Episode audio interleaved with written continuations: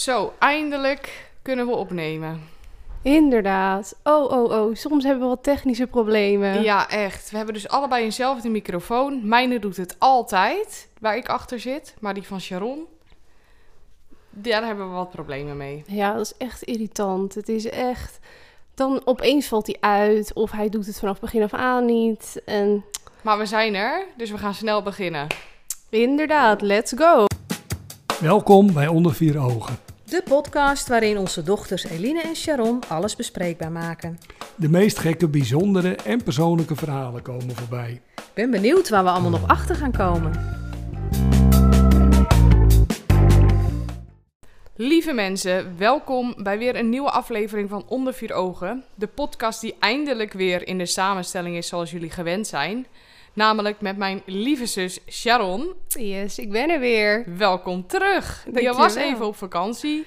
Je hebt tripjes gemaakt. Zeker. Vertel, korte samenvatting, wat heb je gedaan? Ehm, ik ben met twee vriendinnen, René en Chanel, eh, samen naar Barcelona geweest. Het was echt super leuk. Ik ben samen met mijn vriend een weekendje naar Maastricht geweest. Was ook echt heel erg leuk. We heb- Ik heb beide keren echt top weer gehad. Nou, ik kan alles maar omschrijven in één woord dat het heel leuk was. Nou, heerlijk meid. In Zeker. ieder geval eh, goed dat je er weer bent, want we hebben een hoop leuks te vertellen. Zeker, ik ben ook heel blij dat ik, eh, dat ik weer mag opnemen, want ik vind het echt heel leuk. Ja, precies. Nou, voordat we naar het hoofdonderwerp gaan, is het eerst tijd voor onze vaste rubriek. En ik ben toch wel heel benieuwd na- naar die van jou, want ik heb je ook een tijdje niet gesproken. Dus vertel, wat is je grootste meevaller van de afgelopen week? Mijn grootste meevaller. Nou, laat ik het dan maar even bij vakantie houden. Ehm, ik was eh, op het vliegveld op Schiphol. Er was helemaal niemand. Ik hoefde nergens te wachten. Bij het, bij het inchecken kon ik doorlopen. Bij de douane kon ik doorlopen. Het was echt niet normaal. Vervolgens was ik geland op Barcelona. Als eerste kreeg ik mijn koffer. Zo. Heb ik nog nooit gehad. Het ging zo soepel. Inderdaad. Dus ehm, ja, Wat nou, goed. ja, Ik, ik was toen eh, geland op Bonaire en ik sta nog voor de douane en je kon wel de koffers zien. En ik zie zo iemand met mijn koffer staan. niet. Ik denk, ik zeg, sorry, maar ik moet hier heel snel doorheen, want er gaat iemand met mijn koffer vandoor. En mijn vriend was net eerder dan ik, dus die rent naar die vrouw toe, zegt zo, "Ehm, mevrouw, dit is volgens mij niet uw koffer. En in het, zegt ze, oh ja, inderdaad, ja, ik heb ook een roze. Ja, was ik bijna mijn koffer kwijt. Nou, pak van mijn hart. Ja? Nou, goed dat je het zag dan. Ja, echt hè. Ja. En eh, jouw meevaller? Nou, we doen mijn meevallen er maar achteraan dan. Nou, ik heb dus ehm, best wel een sma- smartwatch gedragen. Ja. Ik weet niet of het je is opgevallen, maar Hij is af. hij is heel lang al af. En ik had er dus eerst een met calorieberekening, et cetera. Maar ik werd hier gewoon helemaal gek van. Ik was alleen maar gefocust op eh, die calorieën en of ik wel genoeg verbrand was. En als dat niet zo had en als het niet zo was, dan was dus mijn dag gewoon niet goed. Nou, daar werd ik gewoon gek van. Dus ik besloot die af te doen. Maar ik had er dan nog wel een en die telde alleen de stappen. Maar toch ging ik focussen op die stappen, hoeveel ik had gezet. Dus ik ehm, wilde dan een bepaald doel halen. En eigenlijk haalde ik 19 van de 20 dagen zeg maar dat doel. Maar dan die ene dag dat ik het niet haalde, baalde ik er toch van. En zeker op de dagen dat je dan geen stappen kan zetten of zo. Of weet je, het moet gewoon iets zijn wat een beetje motivatie geeft om meer te bewegen. Of een soort inzicht te geven. Alleen bij mij werd het een beetje obsessief. Ja. Ehm, dus ik besloot voor de vakantie om hem af te doen. Want ik wist dat ik dus in de auto ging zitten een, een dag. En ik wilde gewoon niet dan die dag in de auto denken van... oh, hoeveel stappen heb ik al gezet? En ik kan helemaal geen stappen zetten. Ja, het klinkt echt crazy, maar ik was er gewoon echt een beetje mee geobsedeerd. Dus ik dacht, ja, ik doe dat ding gewoon af. Het is nu een keer tijd dat het klaar is. Want ik, ik beweeg genoeg. En Zeker. ja, weet je, het is vooral irritant. Ik ging zelfs tijdens een voetbaltraining kijken hoeveel stappen ik al op de training had gezet. En als het dus niet naar wens was, dan voelde ik me daar gewoon echt een beetje rot over. Ja, terwijl je juist lekker had gespoord. Precies. Ik had heerlijk gesport. En of ik dan ehm 5000 of 8000 stappen heb gezet, boeien. Het gaat om de, het plezier wat je eraan beleeft. En de rust die je juist krijgt door het sporten. En het niet bezig zijn met al het andere om je heen. Ja. Dus ik heb hem afgedaan. Nou, en het bevalt me eigenlijk heel erg goed. En ik was een beetje bang van, oh, hoe ga ik erop reageren? En aan het begin was het best wel wennen. Want ja, toch had je elke avond, als ik in slaap, voordat ik in slaap viel, deed ik mijn horloge af, checkte ik hoeveel stappen ik had gezet. En dat was vaak best wel veel. En had ik toch een soort van voldaan gevoel. Kijk, dat heb ik nu niet meer. Mhm. Maar ik heb nu ook niet meer dat ik tijdens een training ga checken hoeveel stappen ik al heb gezet. Ja. Dus ik laat hem lekker af. Mhm. Ik ben er vanaf. En nu ehm, mag ik van mezelf een ander horloge kopen. Oh, een dat is mooie. wel een, eh, Ja. leuke beloning. Ja, en ik ben over twee maanden jarig. Dus ik dacht, nou, misschien is dat wel een leuk cadeautje. Dat klopt. Hint. Nee. Maar ehm, je telefoon berekent ook je stappen. Klopt. Kijk je daar dan nog wel naar? Nee, want dat is totaal niet, ehm, ja, niet realistisch. Want ik, ik zet heel veel stappen zonder mijn telefoon. Ja. Als ik bijvoorbeeld ga voetballen, heb ik geen telefoon bij me. Nee, Als ik door mijn huis loop, heb ik geen telefoon bij me. Dus ik kan dat wel checken, maar ik denk, ja, het is altijd minder. Ja, dat heb je gelijk in, ja. En alleen ehm, tijdens het hardlopen wil ik nog een horloge dragen. Omdat je dan kan zien hoe lang je al bezig bent, op hoeveel kilometer je zit. Ja, is wel Maar dat is gewoon ondersteunend aan je sport, zeg maar. Ja, Dat is niet iets waar, waar ik dan een, een positief of negatief gevoel door ervaar. Maar het is me gewoon alles meegevallen dat ik zo lang zo'n horloge heb gedragen, hem nu afdoe. En ik was dus eerst echt gewoon bang een beetje voor de paniek of zo. ja. Maar nu eh, heb ik dat eigenlijk totaal niet, dus het valt heel erg mee. Nou, gelukkig. Ja, Maar als ik zo naar jouw pols kijk, dan eh, staat hij er wel in. Ik zeg maar, het is wit bij het gedeelte waar het horloge hoort te zitten. Ja, maar dit is veel minder. Dit was eerst spierwit. Oh, Spierwit. Het is nu juist bijgekleurd door de vakantie. oh. Het was gewoon in de winter, was mijn horlo- onder, wat onder mijn horloge zat, nog wit. En de rest was, had nog een klein beetje een kleurtje. Maar dit was spierwit. Zo lang heb ik hem gedragen. Oh, Het heeft gewoon jaren geen zon gezien. bizar. Ja, Alleen maar daar zonnebrand smeren op vakantie. precies. ja. Nee, dus eh, dat was mijn meevaller. Ja, dat snap ik. En de tegenvaller. Nou, ik zal maar even eh, nog steeds eh, met vakantie. ik Oh, was ja. onderweg naar Schiphol. En ehm, ik kwam vanuit Haarlem en ik heb daar geen auto of iets.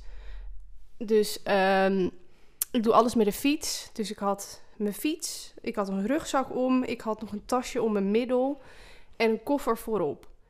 Van Zo. 10 kilo, ja. Dus dat was even zwaar. Nou, het ging goed. Ik kwam bij het station. Ik maak een bocht en bam. Nee. Fietsen al.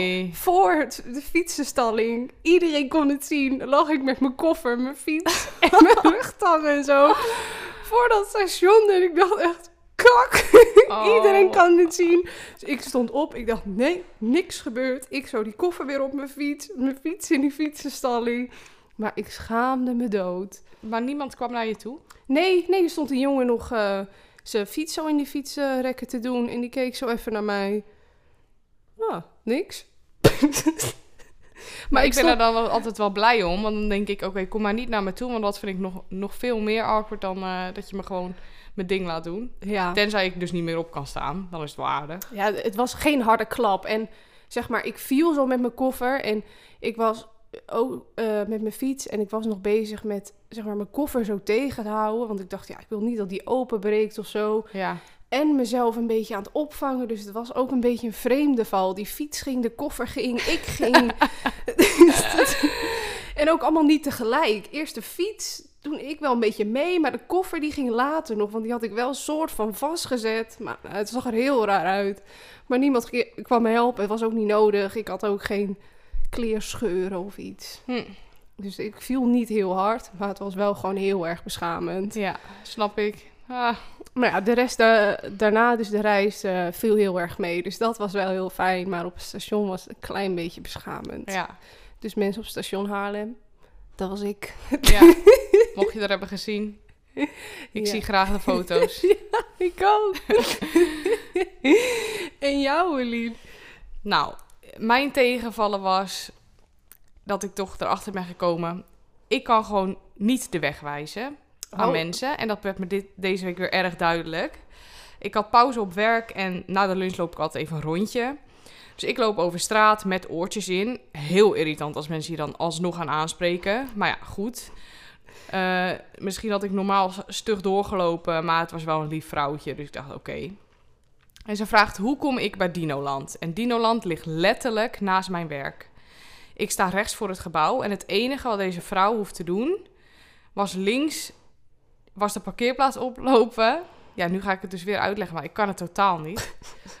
Over de parkeerplaats, links langs het gebouw, fietspad volgen en dan aan de linkerhand ligt Dinoland.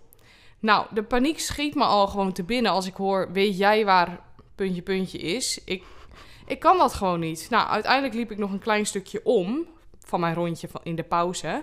En dan kom ik op de parkeerplaats. En volgens mijn berekeningen zouden wij dan elkaar weer treffen. Want ik loop een stukje om, zij lopen recht over de parkeerplaats. Mijn tempo was wat hoger. Ik zou ze hoe dan ook hebben gezien. Nou, drie keer raden, zie ik ze of niet? Nee. Nee. Dus ik denk, heb ik nou weer zo slecht de weg gewezen dat ze gewoon. Of ze hebben zelf een andere route gekozen, maar dat was ongeveer onmogelijk. Ik zag ze gewoon nergens meer. ik denk, ben ik nou echt zo slecht? Ja, dat viel me echt tegen. Ik denk, als je het me vraagt, volg dan in ieder geval mijn wijze raad op. Maar ik had dit dus ook een keer toen ehm, vroegen Duitsers aan mij op het station hoe ze naar het centrum moesten lopen. Nou, ik heb vijf jaar Duits gehad op school. Ik had volledig een blackout. En ze moesten door twee check-in poortjes. Van het station of zo? Ja, van het Oh. station. Ja. En toen wilde ik ook nog heel lief op mijn beste Duits uitleggen dat ze dus als je bij een blauw, je hebt daar twee soorten poortjes. Ja, klopt. NS-poortjes en je hebt ook blauwnet. Ja. Dus ik wilde heel lief uitleggen dat als je dus bij het blauwe poortje incheckt, dat je ook bij het blauwe poortje uit moet checken. Ja. Want anders dan berekent hij alsnog een bedrag, terwijl je alleen eigenlijk, dat is een soort, het is een, op station Zwolle en dan kun je, dat is een soort ondergrondse loopbrug, Ja. zeg maar, stationspoort of zo, weet ik veel hoe je dat noemt. Is een... Stationstunnel, Ja, zo, ik, daar was ik ik wilde net zeggen, is Hallo. onder de grond is dan niet een tunnel? Ja, nou ja, dat dus. En ik kon gewoon niet meer op het woord geel komen. Volgens mij heb ik gewoon geel met een Duits accent gezegd.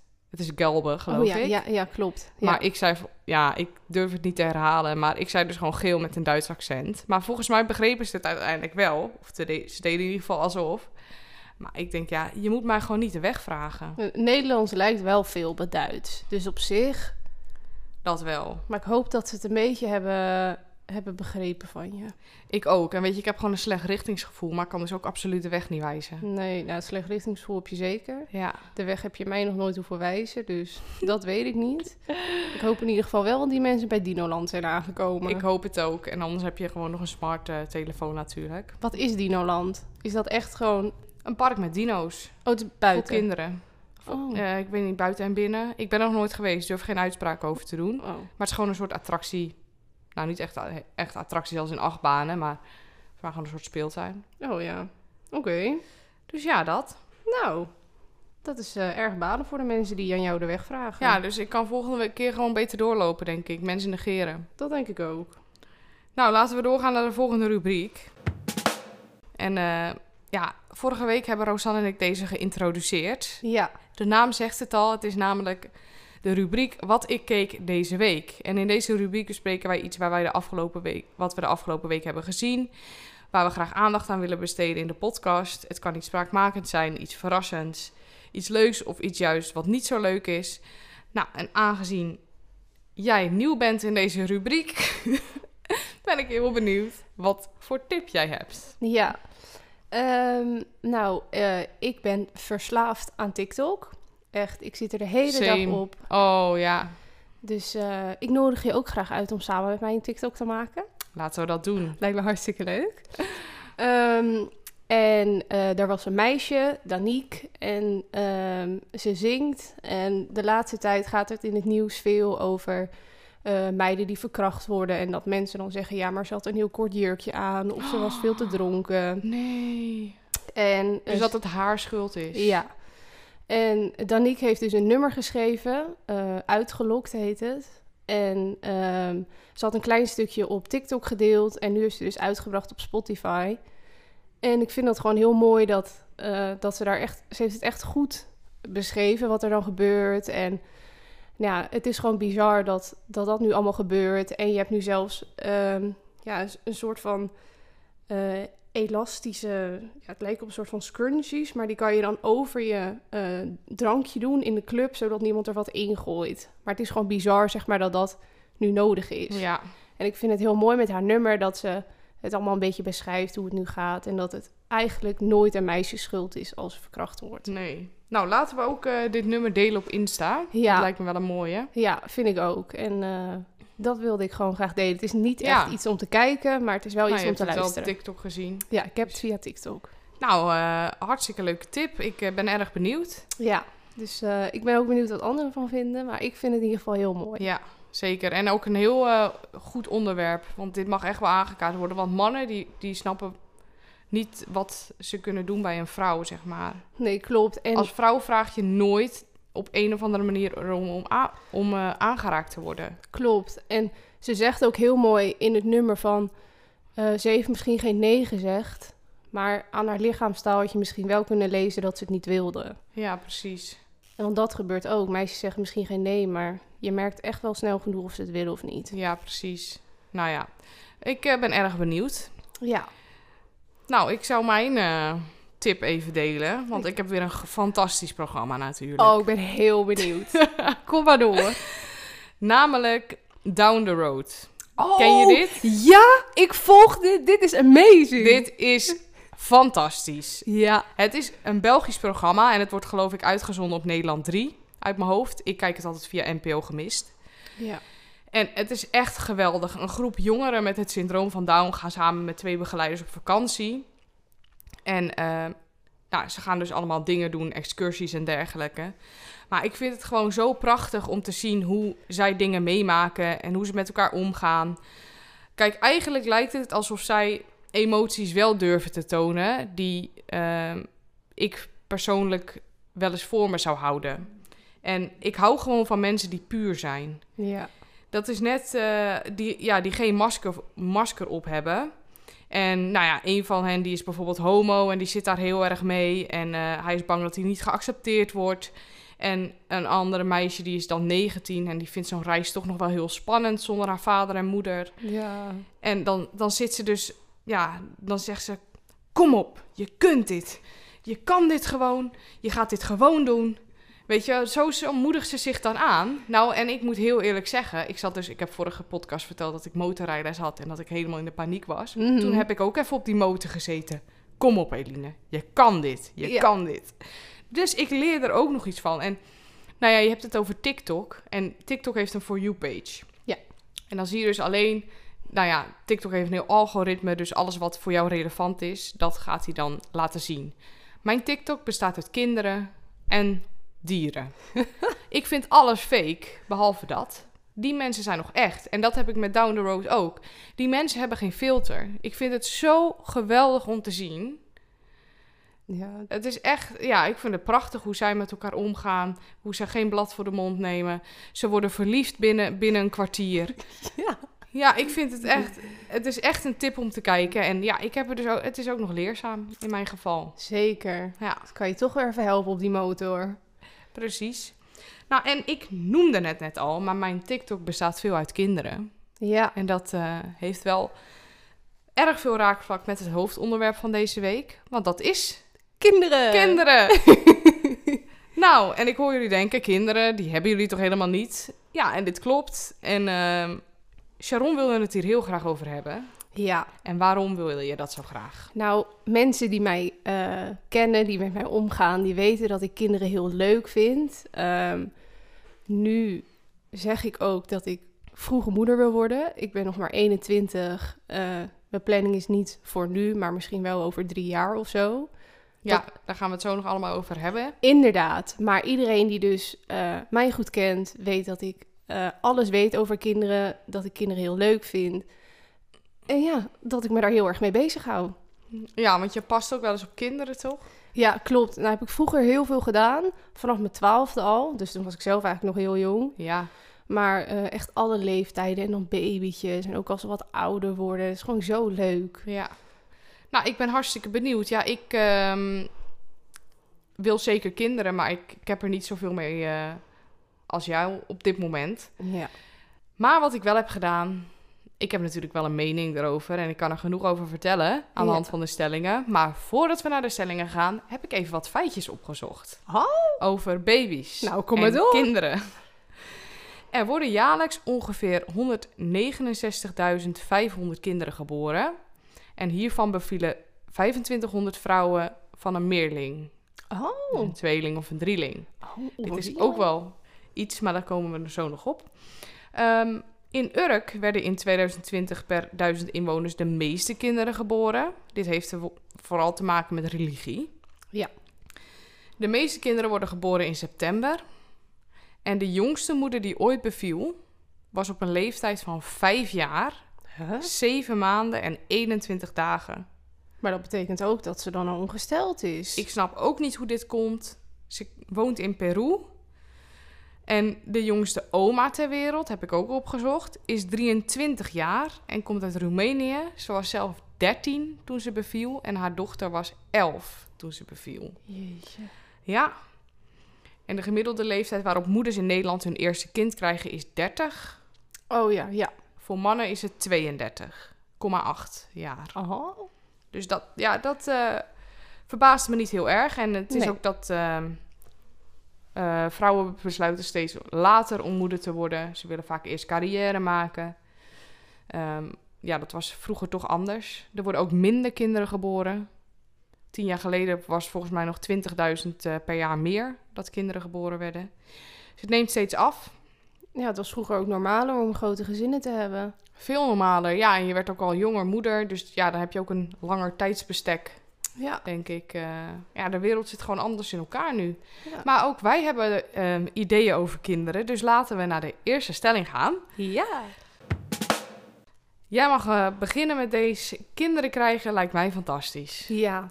Oh, zeker. Ik kan niet wachten. Ik zeg zo vaak ook.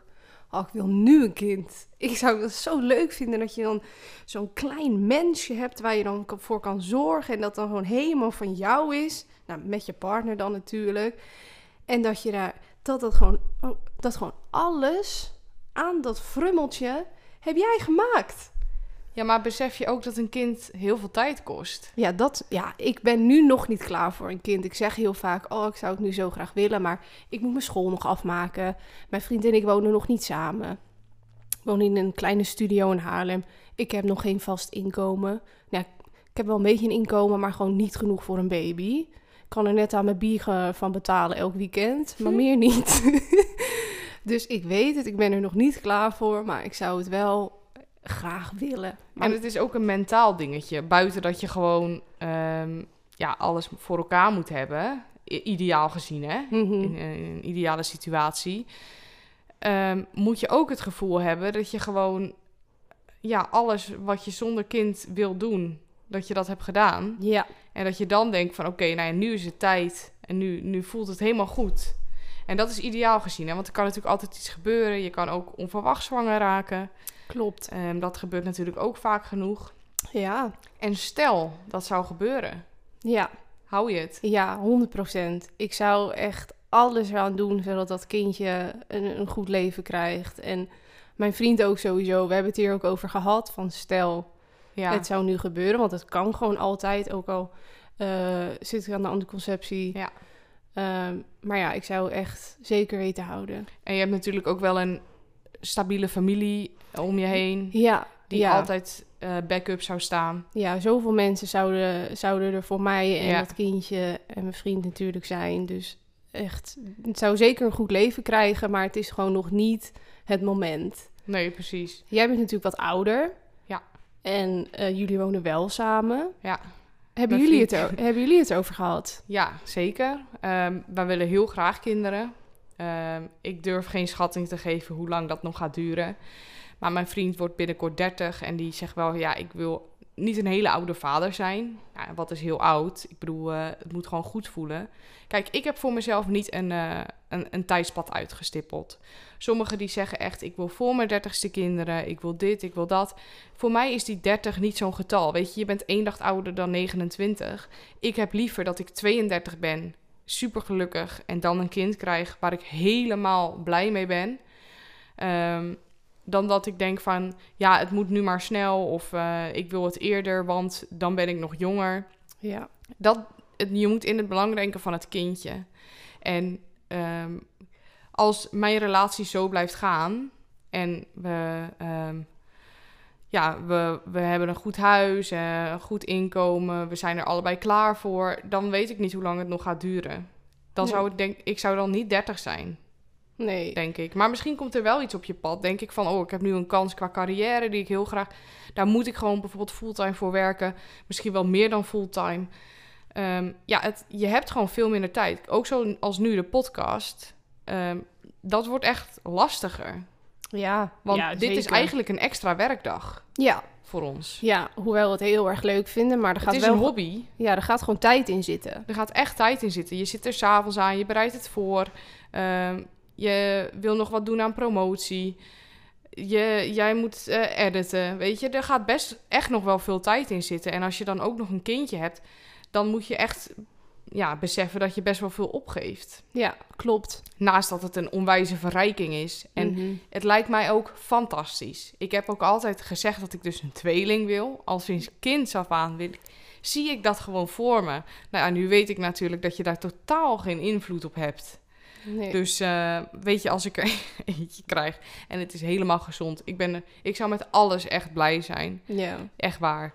Maar ja, ik, eh, stiekem hoop ik er een beetje op. Maar dat kan Dat is eigenlijk echt zo dom. ja, Oh. nou, ik zeg dus altijd dat ik een tweeling krijg. Want de vader van mijn vriend is tweeling. En ehm, de broer van onze vader is tweeling, dus mijn, onze oom. Ja, het zit bij jullie beiden in de familie. Ja, dus daardoor heb je wel echt een grotere kans. Dus zeg maar, als er een tweeling zou komen, dan is het logisch als dat bij ons zou zijn. Ja, Dus eh, we zeggen het altijd van, eh, ja, we krijgen als eerst gelijk een tweeling, gelijk klaar. Want we willen er twee. oh je wilt twee kinderen? ja, en eh, ik wil het natuurlijk, maar het- je krijgt natuurlijk een kindje. Dus Ja, maar je- ik vind wel dat je... ehm, je mag wel een ideaal plaatje in je hoofd hebben. En weet je wat Ja. het is? Je hebt nu een plaatje, maar misschien... Ik heb wel eens gezegd, ik wil vier kinderen. Maar als ik na twee denk van... joh, ik vind het nu helemaal perfect... ga ik echt niet nog door, eh, door tot de vier. Want ja, dan vind ik het gewoon goed. Maar ja, eh, dat is ook gewoon hoe het leven loopt, denk ik. klopt. En je moet gewoon echt heel erg blij zijn met, met wat er op je pad komt. Ehm, wat ik wel echt eh, best wel erg vind. Kijk, wij hebben nog geen kinderen. En ik merk gewoon, ik kijk vaak de vlogs van eh, Elise Boers. Zij is, zij is moeder van een tweeling. En ehm, zij vertelt ook laatst in een podcast van eh Kai Gorgels, even relativeren, daar was ze te gast. Daar hebben ze het ook over de moedermafia. Dat dat zo erg is. Dus ik zit ook een beetje met uitspraken die wij nu doen. Kijk, Ja. wij praten natuurlijk echt vanuit verwachtingen, niet vanuit ervaringen. Mhm. En dat beseffen we ons ook heel goed. Want ik denk echt dat het moederleven onwijs zwaar is. Maar ik hoor dat er is nergens zo'n groot oordeel op als hoe mensen hun kind opvoeden. Ja, klopt. Ja, ik zie dat ook op TikTok. Ja, Al geven ze eh, een kind bijvoorbeeld eh, een tompoesje of zo, dan moet die moeder er al bij zeggen: was een klein stukje tompoes. Ze krijgen het bijna nooit. En dan zit je alsnog in de reacties: ja, nog maar één jaar, moet geen suikers. En ja. dus Het is heel extreem. ja, het is niet normaal. Mensen kunnen elkaar daar zo op haten. Ja, net als dat ehm, als ze een keertje wat leuks gaan doen voor zichzelf. Nou, het, ik zie het echt voor me dat als ik een kind heb, wil ik alsnog aan mezelf blijven werken. Want Dat moet. Als ik, ja, precies. Je hebt tijd voor jezelf nodig. Je hoeft niet 24-7 met je kind te zijn. Tenminste, vind ik. Daar als jij niet gelukkig bent, dan wordt je kind ook niet gelukkig. En dan ben je echt geen leukere moeder. Klopt. En het is juist heel. Ik vind het juist prachtig dat je gewoon tegen je kind kunt zeggen. eh, papa en mama gaan nu eventjes eh, lekker een nachtje weg. Je gaat lekker naar opa en oma. Die, dat kind vindt het hartstikke leuk, vaak bij opa en oma. Ja, Ik heb daar ook hele goede herinneringen aan. ik ook. En dan zie je daarna lekker papa en mama weer, die weer helemaal vrolijk zijn. En die hebben lekker tijd voor zichzelf genomen. Ja, Ja, dat moet. Je moet Ja. dat in je leven doen. klopt. Maar daar sluit wel een ehm, stelling op aan. Kinderen komen altijd op één. Ja, dat denk ik wel. Je wilt natuurlijk alles voor je kind over hebben. Ehm, maar zoals je net zei, het, net als dat het nu in een relatie al heel belangrijk is dat je, eh, dat je soms eh, een avondje weggaat, dat je uit eten gaat, dat je leuke dingen doet met elkaar, zodat je niet in zo'n sleur raakt. Mhm. En ik denk dat als je een kind hebt, dat je natuurlijk al je energie en tijd daaraan wil besteden, maar dat je er echt op moet gaan letten dat je ook je relatie goed onderhoudt. Want nou, wij hebben dat dan niet gelukkig. Onze ouders zijn niet gescheiden. Maar stel, het gaat niet goed met je relatie en dan ga je uiteindelijk scheiden, dan heeft dat kind, ja, dat is gewoon niet goed voor dat kind. Dus uiteindelijk is het gewoon zo belangrijk dat je relatie goed zit, zodat je vervolgens samen alle liefde aan dat kind kan geven. Ja, want ik ben ook van mening dat een kind enkel moet ontstaan uit liefde. Ja, zeker. Ehm, je hoort heel vaak verhalen dat, ze, dat het als een redmiddel wordt gebruikt. Ja, Ehm, ja, soort laatste hoop of zo. En je blijft voor altijd met elkaar connected natuurlijk. Dus dat Ja. vind ik ook. Kijk, hoe ik, hoe ik nu in mijn relatie sta, denk ik, weet je, we kunnen morgen beginnen met kinderen, als zouden we het willen. Want Ja. ik blijf voor altijd bij hem. Maar we zijn nog een jaar samen. En ik zeg niet dat er een tijdspad aan moet zitten. Echt niet hoor. Ik bedoel, eh, alleen voor mezelf is dat gewoon een fijner idee. Dat als ik denk van oké, nou nu zijn we er helemaal klaar voor. We zijn al een tijdje samen. We willen het allebei heel graag. Dan lijkt het me heel mooi om samen die stap te gaan zetten. ja, Ook al zou ik het misschien morgen al willen. In mijn hoofd denk ik nog ergens van nee, dat is nog iets te kort. ja, klopt. Dat, je relatie moet gewoon echt stabiel zijn. Ja, en hoe lief we elkaar ook vinden en hoeveel liefde we voor elkaar hebben. Als je dat nu al doet, dan denk je misschien van ja, hadden we toch nog maar even gewacht. Ja, Kijk, dat, dat, die gedachte wil ik niet hebben. nee, dat klopt. Maar dat weet je nooit van tevoren, hè? Dus ik wil opnieuw weer zeggen, weet je, je moet altijd gewoon kijken naar hoe de situatie nu is. En niet echt spijt hebben van dingen die je voorheen hebt gedaan. Ehm, maar dat is gewoon hoe ik het voor me zie. Ja, ja, kind op één dus eh, hebben we wel behandeld. Ehm, altijd tijd aan jezelf besteden. Kind komt wel altijd op nummer één. Ehm, maar jezelf niet vergeten. nee, en blijf aan je relatie werken. Altijd, altijd. Nou, Ja. goede tip van eh, twee eh, meiden die nog geen kinderen hebben. Maar doe dat vooral, ja. Ik wil trouwens nog even één ding zeggen. Soms dan zit je op verjaardagen en daar is dan een stel. En die zegt dan, wij zijn bezig om eh, een kindje te maken. Om zwanger te worden. Om zwanger te worden. Ja. Nou, het enige wat ik dan dus denk... Oké, jullie hebben dus 24-7 seks. Dat is toch eigenlijk een hele rare mededeling? Waarom zou je mensen zeggen dat je bezig bent met zwanger worden? Ja, maar hoe vaak krijg je de vraag wel niet? Als je ongeveer de leeftijd van 30 bereikt en je bent al een paar jaar samen met je vriend. Weet je hoeveel mensen dan vragen: willen jullie, eh, al, ja, zijn jullie al bezig met eh, kinderen? Of willen jullie dat überhaupt? Weet je, die vragen. Stel, dat wordt mij over drie jaar gevraagd en ik ben al een jaar bezig om zwanger te worden en het lukt niet. Ja. Dat is best wel persoonlijk. En ik snap ook wel dat mensen enthousiast zijn en dat willen delen. Dat snap ik ook, ja. Kijk, 24-7 seks, dat is natuurlijk niet zo. Het schijnt zelfs zo te zijn dat het beter is om om de dag seks te hebben om zwanger te raken. Dan is het Oh. zaad van de man beter. ja. Nou, ik vind sowieso dat die vraag van... eh, ja, wil je kinderen of eh, ben je bezig? Die, die moet niet meer gesteld worden. Het kan heel gevoelig liggen. Iemand moet er zelf over beginnen. Ja. Maar alsnog word ik ongemakkelijk als mensen zeggen... wij zijn bezig met zwanger worden, om zwanger te raken. vind ik toch ongemakkelijk. Jij niet? Ik heb het volgens mij... Nou, nee. Nou ja, op een verjaardag weet ik het niet, maar... Nee, ik heb daar totaal geen problemen mee. Oh. Ik denk alleen maar wat mooi, wat geweldig. Dat wel. Het is natuurlijk ook heel mooi als ze daarmee bezig zijn... maar toch zeg je eigenlijk ook iets anders. Ja, nou en? Iedereen heeft seks. Ik heb ook seks. Dat wel, maar het is om ook gewoon raar. Toch? Nee, ik vind dat niet zo raar. Oh, nou, ik, ja, ik dus wel. Nou, ik ben benieuwd wat de luisteraars hiervan vinden. Ik ook. Ja, dat mag. Ja, is het een, eh, een do of een don't? Ja, op verjaardagen. Is... Ja, op verjaardag is het wel echt eh, heftig. ja, nou, inderdaad. Als, i- als een vriendin tegen mij persoonlijk zou zeggen... hey Sharon, ehm, ja, we zijn nu dus bezig eh, om zwanger te worden. Nou, dan zou ik ook zeggen, oh, wat leuk. Ja. En, en dan, tuurlijk. Wat Dan spannend. Ja, dan ben ik ook blij dat je dat met me deelt. Want dan zit ik daar echt helemaal zo recht op. Dan weet ik ja, waar je mee bezig bent. Maar zeg maar in zo'n grote kring, als je dan zegt dat je daarmee bezig bent... Dat hoeft niet van mij. Nee, precies. Vooral als ik je ook niet zo goed ken, dan denk ik, ja, oh, oké. Nee, nee, nee, dat is misschien een beetje, een beetje ongepast. Ja. Ehm, Dan gaan we nu door naar de volgende stelling.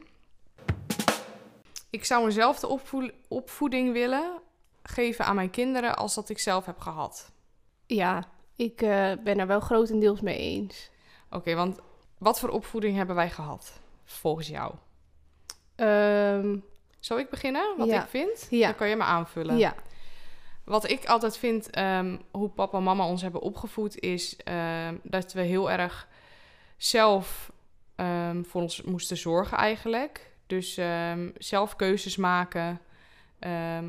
Ze gingen niet ons handje vasthouden bij alles. Ze hebben ons heel stabiel opgevoed, vind ik. Ik eh, hoor ook wel eens vaak dat kinderen... Ik ben de oudste natuurlijk. En ik hoor vaak dat, ze dan, eh, dat kinderen zeggen dat ze moeten wennen... dat er een broertje of zusje bij komt. Omdat natuurlijk dan de aandacht verdeeld wordt. Mhm. In plaats van dat zij alle aandacht krijgen. Nou, ik heb dat totaal niet meegekregen van papa en mama. Ik vind dat ze ons heel gelijk hebben behandeld. Ehm, tuurlijk is er wel eens iets waarvan je denkt... oh, waarom ehm, mag zij dat wel en mocht ik dat niet op die leeftijd? ja. Maar dat is niet te voorkomen, denk ik. Nee. Ik bedoel, ik ben de oudste. Papa en mama moesten bij mij nog, alle, mo- moesten nog het wiel uitvinden bij mij. Ehm, nou ja, ik vind dat ze dat hartstikke goed hebben gedaan. Ehm, we hadden duidelijke regels. Ja.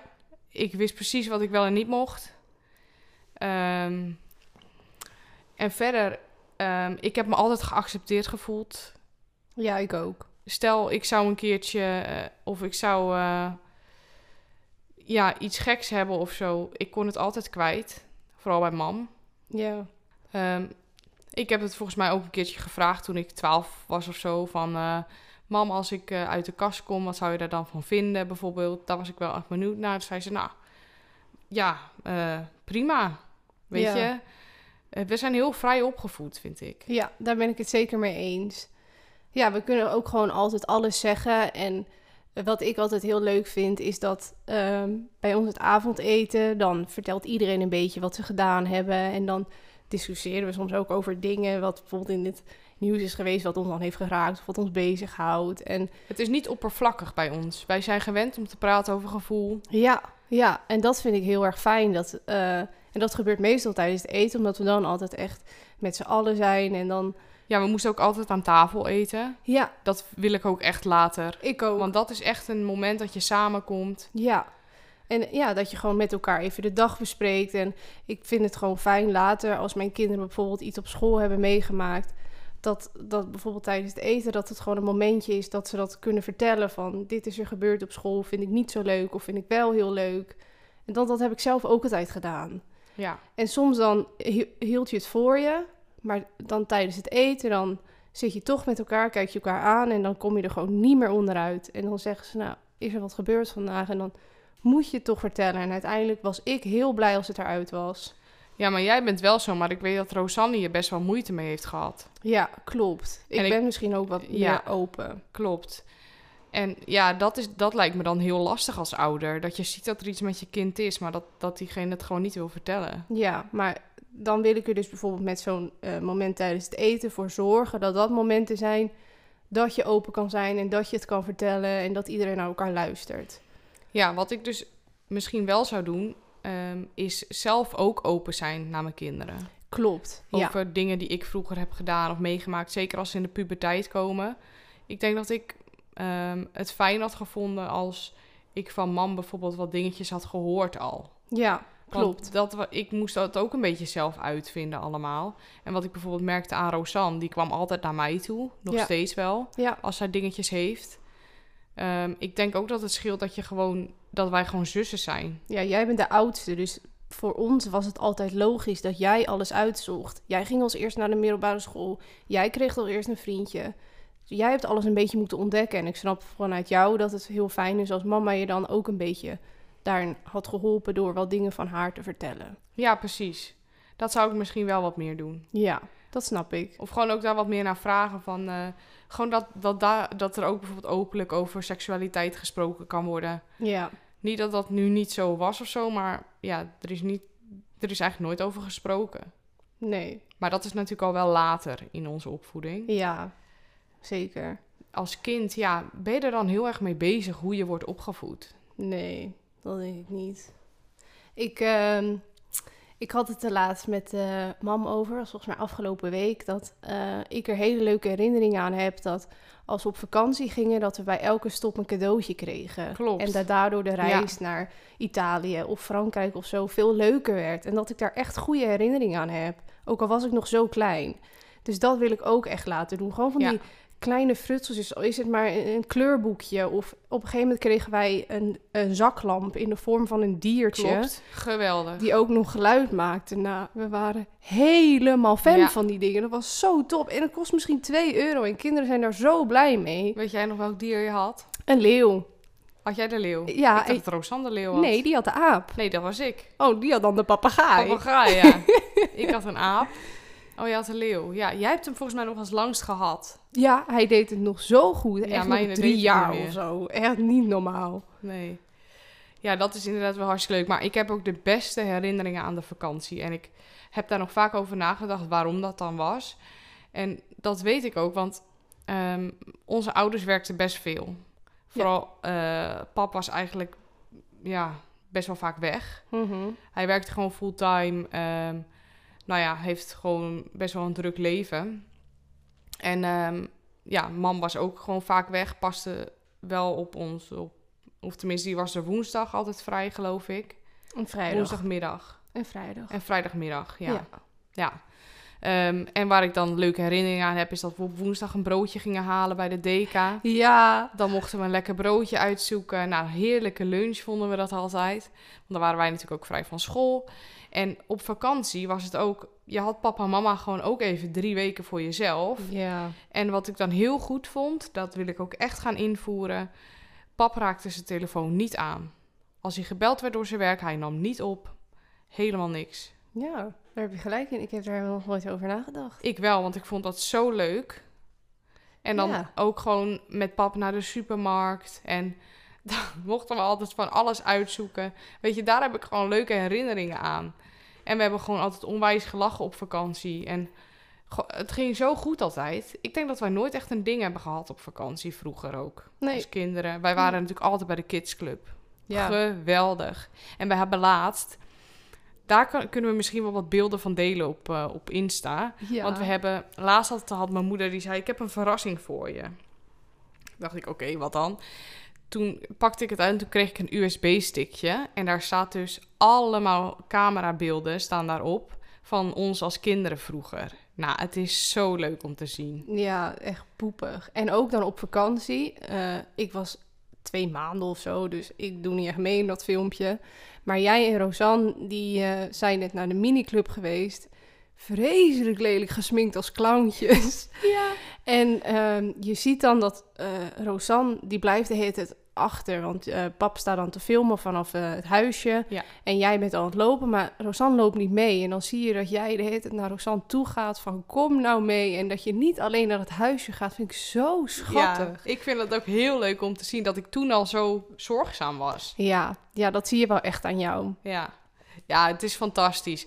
Het leukste fragment is toch wel dat Rosanne een placement krijgt van jou. Dat is echt... Sharon, die was... Hoe oud was je? Vier? Je werd vier. Ja, ik zat nog op de peuterspeelzaal. Oh, echt? Ja, wat, want ik vertel iets over de leidsters in dat filmpje. Waarmee ik het heb Oh. ingepakt. Dus ik was drie of zo, denk ik. Ik dacht dat Rosanne zes was en dan werd jij vier. Ja, Ja. klopt. Dus dan ging je, net, ging je bijna naar de basisschool. Nou, ze had een, eh, een placement gemaakt en die had ze ingepakt. En Rosanne pakt dat uit. En ik zit alleen maar... Wauw, Sharon, wat mooi, wat goed gemaakt. Dus ik moedig haar helemaal aan. En Rosanne die kijkt ernaar. Nou, die kan nog niet echt... Die kan nog niet, zich niet bedenken dat jij daar heel veel aandacht aan hebt besteed. En dat jij super trots bent. En dat het heel lief is dat ze dat heeft gemaakt. Dus die kijkt er echt naar. Nou, die gooit het zowat aan... Die gooit het direct aan de kant eigenlijk. Ja, en, En jij bent gewoon zo trots op het feit dat je dat al hebt gemaakt. Jij vond het echt geweldig. Ja, Nou, ik, ja, het is echt een heel leuk fragment. En Rosanne door naar de volgende cadeautjes. En ik telkens met een place met... Kijk, mooi hè, mooi Ja. hè? Rosanne, dit is ook mooi, hè? ja, oh, het is zo schattig. Ja, Maar eh, ja, waar waren we eigenlijk gebleven met de stellingen? Wij wilden we door zouden oh, ja, over dezelfde Oh, opvoeding zouden doen. Nou, ehm, ik wil daar nog even aan toevoegen dat, zeg maar, in onze kindertijd en zo, dat zou ik allemaal wel hetzelfde doen. Maar toen ik op een gegeven moment in de puberteit kwam en begon te drinken en zo, bij ons was altijd de regel eh 16 en dan mocht ik een beetje drinken. En, maar nou, ik deed dat dus al eerder.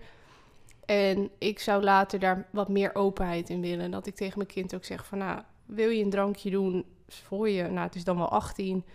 Ik weet niet hoe oud hij Maar als ik merk dat mijn kind daar geïnteresseerd in raakt, dat ik dan zeg, hey, doe een biertje met mij, doe het thuis. Eh, weet je, nodig je vrienden thuis uit. Dat ik erover praat en dat het open is. Want ik heb het best wel eh, verzwegen voor pap en mam. En daardoor ging ik misschien ook telkens dingen doen die niet mochten. En op een gegeven moment, ik moest per se een bepaalde tijd thuis zijn. Terwijl als mijn ouders, ehm, een vriendin van mij zei ook altijd, nou je mag altijd bij mij slapen. Mocht dan ook niet. Dus dan denk ik, ja, als je me daar misschien iets meer vrij in had gelaten en het daar heel erg eh, over had gehad met mij, dat het misschien wat beter was. Dus dat wil ik later ook doen, gewoon openheid. En natuurlijk als het te ver gaat dat ik het erover heb van, kan je beter niet doen. Of, maar dat het gewoon helemaal open is en dat mijn kind alles durft te zeggen tegen mij. Ja, precies. Want er is natuurlijk wel een reden dat die alcoholleeftijd omhoog is gegaan. Ja, Want het is gewoon niet goed. dat klopt. Zeker als je hersenen nog niet uitgegroeid zijn om eh, dan te drinken. Dus Mhm. ik vind het wel... Kijk, ik denk dat een kind, als, al is die 14, 15... weet je donders goed dat het niet goed voor je is. Ja, Dus als diegene het dan alsnog wil doen, ja. Ik weet bijvoorbeeld ook nog, met mijn eerste vriendje... toen vroeg ik ook of ik bij hem mocht slapen. Nou, en dat mocht ook eerst echt niet van papa en mam. En eh, nou, je gaat toch wel manieren zoeken om wel met elkaar te slapen. Ook Ja. al mag het niet. Mhm. Dus ja, bij deze, sorry, maar dat is gewoon toen al gebeurd. ja.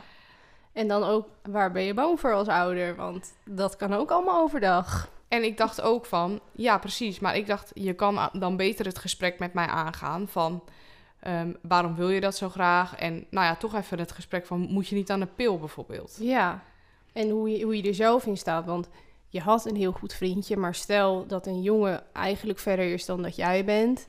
Dat je daar als ouder het er over hebt en zegt van nou, hoe denk je er zelf over? Zou je het al willen? Als, een, als je dan merkt aan je kind dat hij het echt niet wil, dan kan Ja, je dan daar... ook een beetje sturing in geven. Ja, en wat advies en zo. Ja, precies. Dat is ook zo. Ja, ehm, dat zou ik misschien wel doen. Al snap ik het ook wel dat ouders misschien het spannend vinden om daar een beetje over te praten. Snap ik ook, ja. Maar ik ben zelf heel open. Ja. Dus ik hoop dat ook zeg maar, naar mijn kinderen over te brengen. Dat zij alles tegen mij kunnen zeggen zonder dat ik boos word. Of Ja, dat er consequenties aan hangen dat zij dingen tegen mij vertellen. De volgende stelling. als het mij niet lukt om natuurlijk zwanger te worden, zal ik er alles aan doen zodat het wel lukt.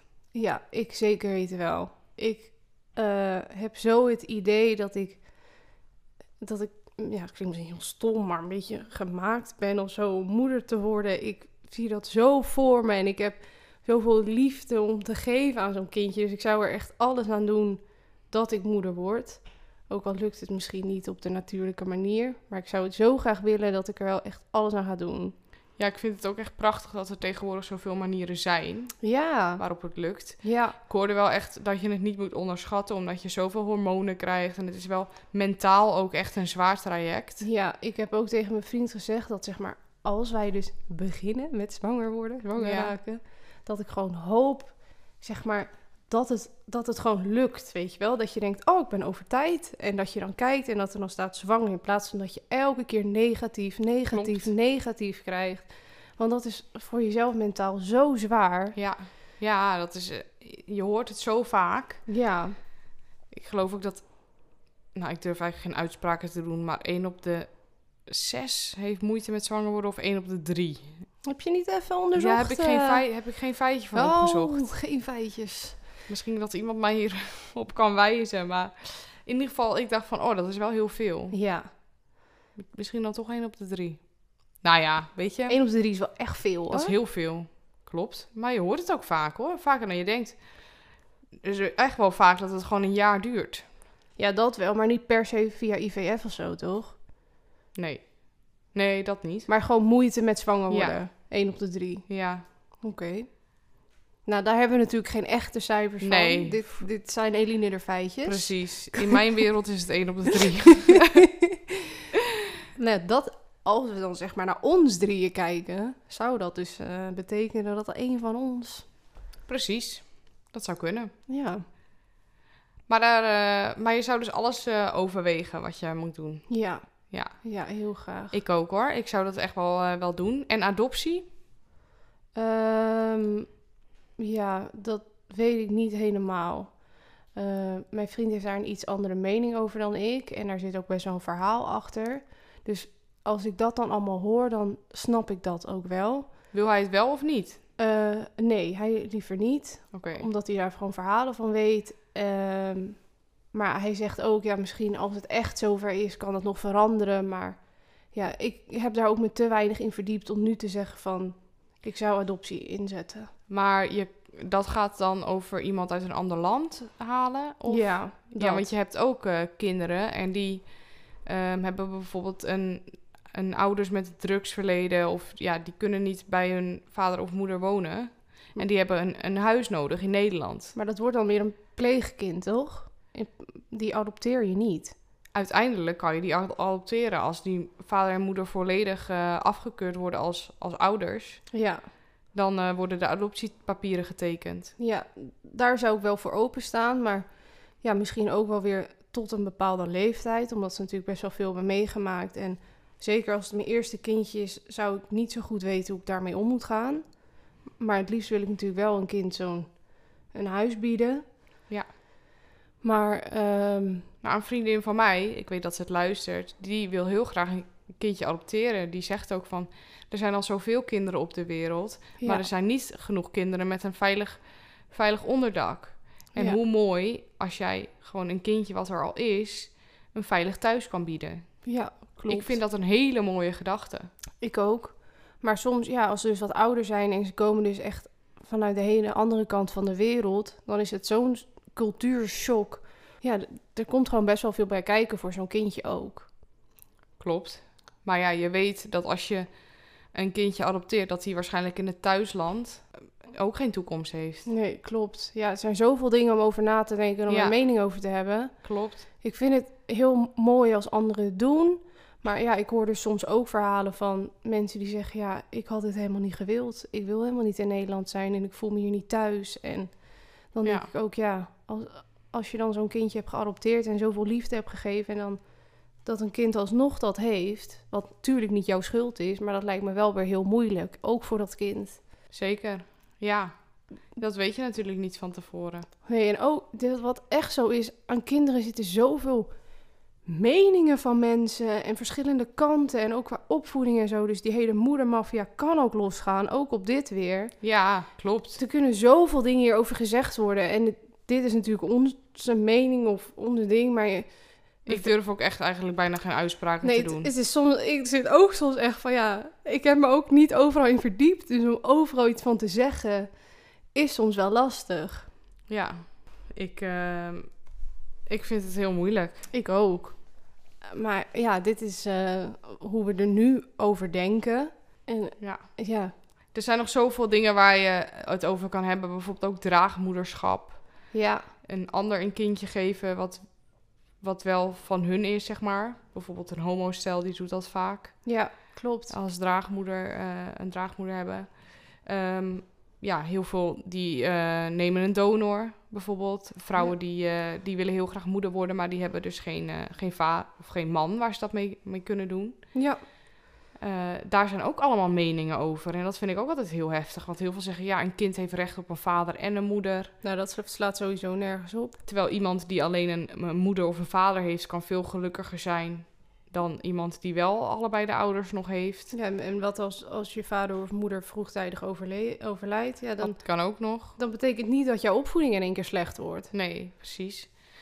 Ja, nou, ik denk dat we dit maar even moeten gaan afsluiten. Ja, ik merk dat we hier echt... ja, er zitten ook zoveel takken aan. Dus zeg maar, je Ja, hebt het klopt. onderwerp kinderen. Maar inderdaad, wat je net ook al zegt... er komt zoveel bij kijken... Ja, dat je steeds ja, een beetje afhaakt, eh, af, eh, Ja, afdwaalt naar een ander onderwerp. En ja, het, het- ja, maar we hebben het in ieder geval wel gehad over het feit dat wij kinderen willen. ja, Ehm, ja, ons beeld daar, daar tegenover. En Mhm. ook een stukje over onze opvoeding en hoe wij dat zouden doen. Of we hetzelfde zouden doen of anders zouden doen. Ja. En ik denk dat dat gewoon de kern was waar we het dit keer over wilden hebben. Ja. Wij veroordelen niet hoe anderen het doen, totaal niet. Nee, we, Dat willen we ook echt niet doen. We zeggen totaal niet dat het van ons het juist is, want wij hebben nog geen kinderen. nee, we willen niet bij de moedermafia horen. En we willen Absoluut niet. ook niet de moedermafia tegen ons. Ook absoluut niet. Maar misschien, stel we hebben over vijf jaar nog een podcast en dan allebei een kind. dat Oh, we ja. nog een keer zo'n aflevering gaan opnemen. En dan ook eerst nog even deze terugluisteren. Ja, en dan eigenlijk misschien wel precies dezelfde stellingen doen. En dat, Ja. ja. dat we dan dus onze antwoorden weer dan relativeren. Precies. nou ja, in ieder geval, we hebben nu nog een, eh, een rooskleurig beeld erover. En Zeker, het lijkt ons echt fantastisch. Ja, ja, het lijkt me echt heel mooi om ooit eh, mijn eigen kindje te hebben. Precies. Nou, dan sluiten we het bij deze af. Wij vinden het erg leuk om te horen wat jullie ervan vonden. Niet te hard zijn, alsjeblieft. Niet de moedermafia. we willen niet de moedermafia. Geen moedermafia. Maar we gaan natuurlijk wel wat leuke beelden delen van ons van vroeger, zoals we al hebben gezegd. Dus mocht je dat willen zien, volg ons op Instagram onder vier ogen. En eh, dan zien we jullie volgende week weer. Yes, bij een nieuwe aflevering. Zeker. Doei! Doeg!